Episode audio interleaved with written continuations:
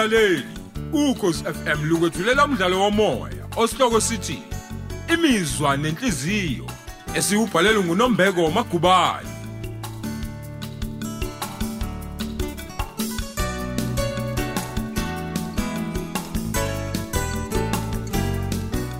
Nasi isiqebu sethu samashumi amabili nesikhombisa.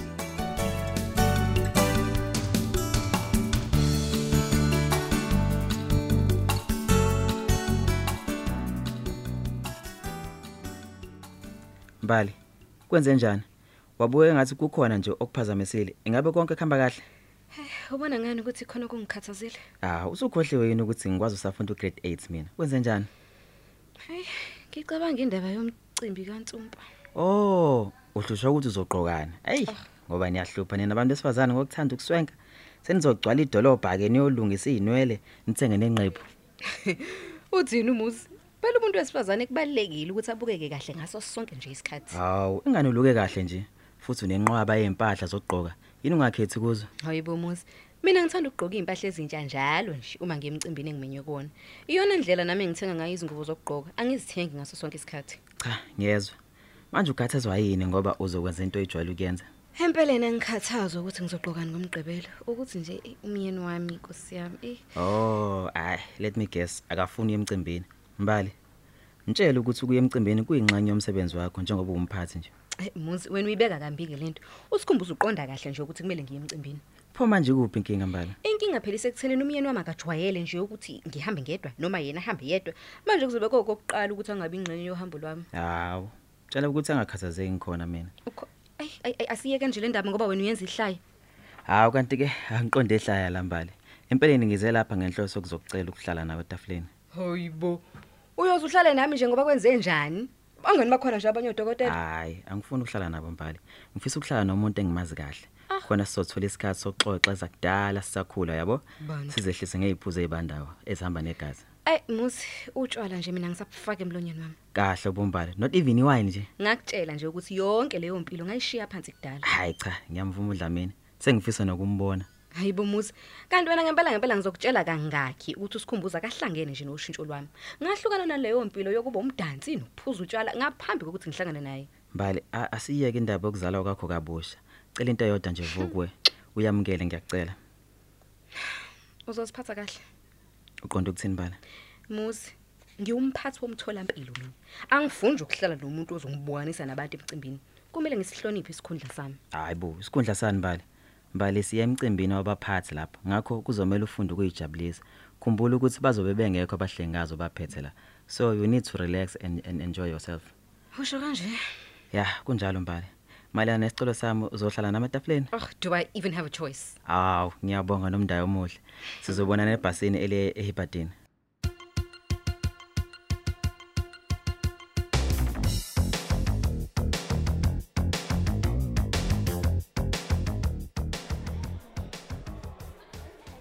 Mr Dlamini ngithi angizi ukuthi ahamba kanjani ama extra classes. Bengingakaze ngilithola ithuba lokuvela selokunawa qala Hey, ahamba kahle mphathi.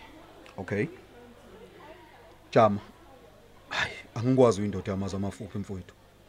Yilokho kuphela nje ongakusho ngokufunda kweingane hayi hayi hayi. Isisho nephi intshisekelo obunayo Dlamini? Hey mphathi ngiyaxolisa kakhulu.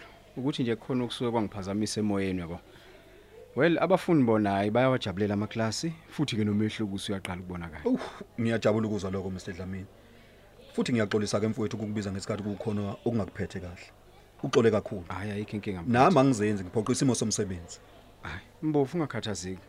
Ungakhathazeki njengalokho. Empeleni yimo kumele ngixolise kuwe. Phela akukuhle ukuthwala inkinga zami ngize nazo la emsebenzini. Ey, khona kunjalo Jama. Kodwa ke phela kuyenzeka umthwalo bengaphezulu kwamandla akho mfowethu. Cha, kulungile usungakhululeka se. Bengifuna ukuzwa lokho nje ngoba kunombiko bekumele ngiwuthumele kumhloli. Hayi, ngiyaphinda futhi ngiyabonga mphathi. Nalokuthi ke ngixolise ngokuyiphatha kwami. Ngisuke ngajabula kakhulu mphathi uma ngicabanga impela sonto kanti oho, inhlelo izoshintsha. Awu, ungakhuluma Jama uma kukhona okuphethe kabi mfowethu. Isizulu sithi injobe ithungelwe bandla. Hayi, mbofu. Angithandi kona ukucefezela ngeenkinga zami. Hayi, awungicefezeli Mr Dlamini. Sengake ngakutshela phambilini ukuthi kungumsebenzi wami ukuqinisekisa ukuthi othisha basebenza ngokukhululeka. Ngakho ke awungicefezeli neze uma ukhuluma ngento ekuphethe kabi eqinisweni nje usukuze lapha Eyo. Azama khula amazwi akho mbofu. Kodwa ke ey nginamahloni okhuluma ngodaba olungiphethe kabi. Mhlawumbe uzocabanga ukuthi nje ngumuntu ongalungile. hawu kanti ungakhuluma ukhululeke jama wonke umuntu uneyinkinga mfowethu akukhathalekile ukuthi abanye abantu bazibuka ngaliphi iso Hayi ngikuzwa kahle mphathi. A- Ake ngibuze nje mbofu. ehe Ungaphatheka kanjani uma umuntu obeke ithembiso okuthile eseshintsha umqondo? awu awu awu yinto ebhlungu kakhulu ke leyo jama umuntu owenza into enjalo kumele umqhelise empilweni yakho ngoba ulimaza imizwa yakho ikakhulukazi nje uma ngakunika isizathu esi- esibambekayo Ah yena usichazile isizathu. Hawu, uma kunjalo kasikho isidingo sokubambela sokubambela lo muntu inhliziyo ebhlungu empeleni sikhuluma ngani lapha jama ngiyabona ukuthi awufuni ukuhlala udabeni olukuphethe kabi Hey uyazi mbovu. Ngenkathi umamsomo engazisa ngesikhala emtholampilo semkhomazi. Yimi ngamkhuthaza ukuba a- afake isicelo. ngiyakhumbula Ehhe, eh sathembisana ke sobabili ukuthi siyobonana njalo ngempela sonto. Kodwa manje izinto ayisahambi njengoba sasihlelile. hawu awuchaze kabanzi dlamini uma msoma akasafuni ukuze emzini wakhe Hey wembathu ngitshela nje mcimbithizeni kaNtsumpa wesibhedlela okumele aye kuwona le ko Hibadini. Kude kangaka Hey uthi yena nabanyoza kwabo bahlelelwe ukulala ehotel. hawu uphoyi kuphi inkinga uma uma ehamba ngomsebenzi jama Hayi. Umcimbi mphathi akusiyo umsebenzi mphathi. Umamsomi bekumele abuye azobheka umuzi wakhe. Ngibona ngathi mina akasenandaba nami. hayi jama kahle ukuthatha izinto ngesinxele. Ingani nathi siyayenza iclosing party ekupheleni konyaka usukhohliwe yini ukuthi saye ebhalithe ngonyaka odlule? Uma msomo wakho nondayini ngohambo lwethu jama? Eh inkinga kisuka ibe lapho ke mbovu. Ngoba phela umuntu wesifazane akumele ayiphathiswa kwendoda. hayi uyangidida lapho dlamini uma ukhuluma kanjalo. Ingani nathi sihamba nothisha besifazane nje jama? Hayi yehlisa umoya mfowethu. Ukhuluma umsomo ukuzenze kahle umsebenzi wakhe mfowethu. Hayi ngiyakuzwa mbovu. Futhi ke ngiyabonga ukungeluleka ngixolise nje ukuthatha isikhathi sakho ngento mina engibona ukuthi hayi umbhedo nje. hayi kanti ke lokho ebesixoxa nawe jama akusiyoneza umphetho ngelinye ilanga nawe uyokululeka abanye Hayi mbovu ngiyibonga kakhulu nje ngeseluleko esiphusile. Hayi uyindoda emadodeni. hayi jama kulungile mfowethu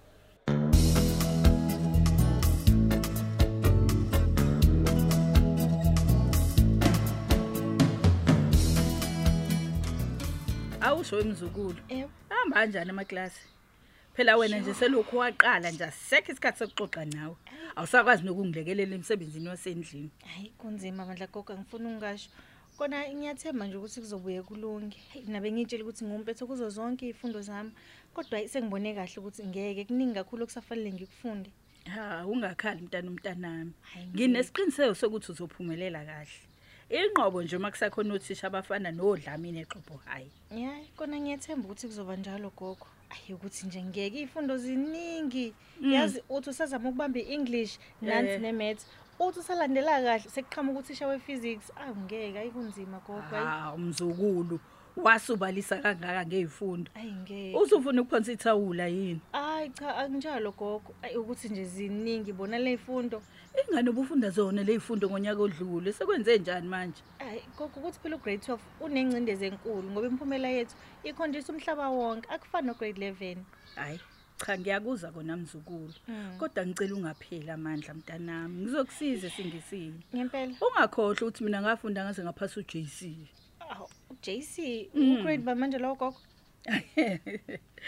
thina esafunda emandulo siyazi imfundo yama grades yinto efike nohulumeni wedemocracy ngesikhathi sethu wawufunda ukuthi ufike ku standard 8 Yeah. bese uthola i junior certificate Oh, sengiyezwa ke gogo. uJC uchaza ukuthi junior certificate. nje kunjalo nje mzukulu sasifunda sigcine kuwo bese siyofundela imisebenzi eyahlukene ke Hawu, phona gogo wafundela muphi umsebenzi?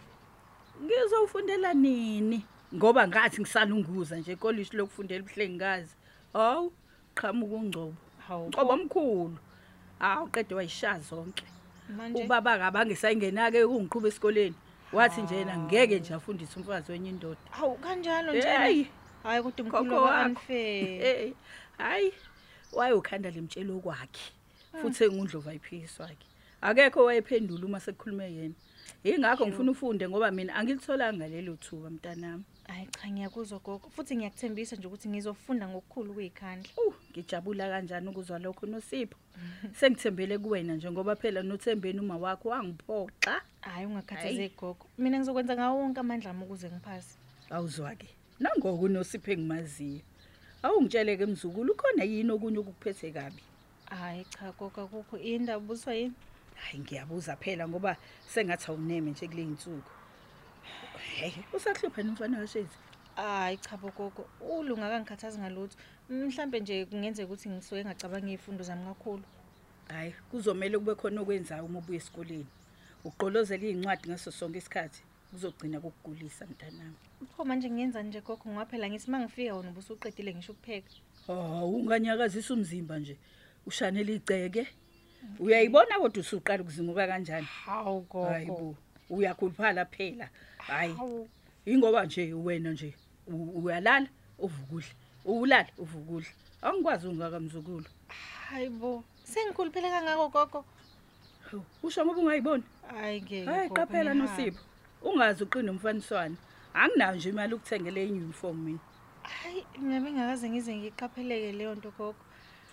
Kodwa ngicela ukuthi ungasalilokothi nje nokulilokothi igceke. Mina ngizobuya esikoleni ngilishanele kusukela namhlanje. Awuzake mzukulu. Kuzomela ulungele ukuya esikoleni kodwa isikhathi sesiliwe Ibo, yinje. he yazi anginakile ukuthi isikhathi sihambe kangaka? Ake ngiyogeza. Hayi hamba hamba.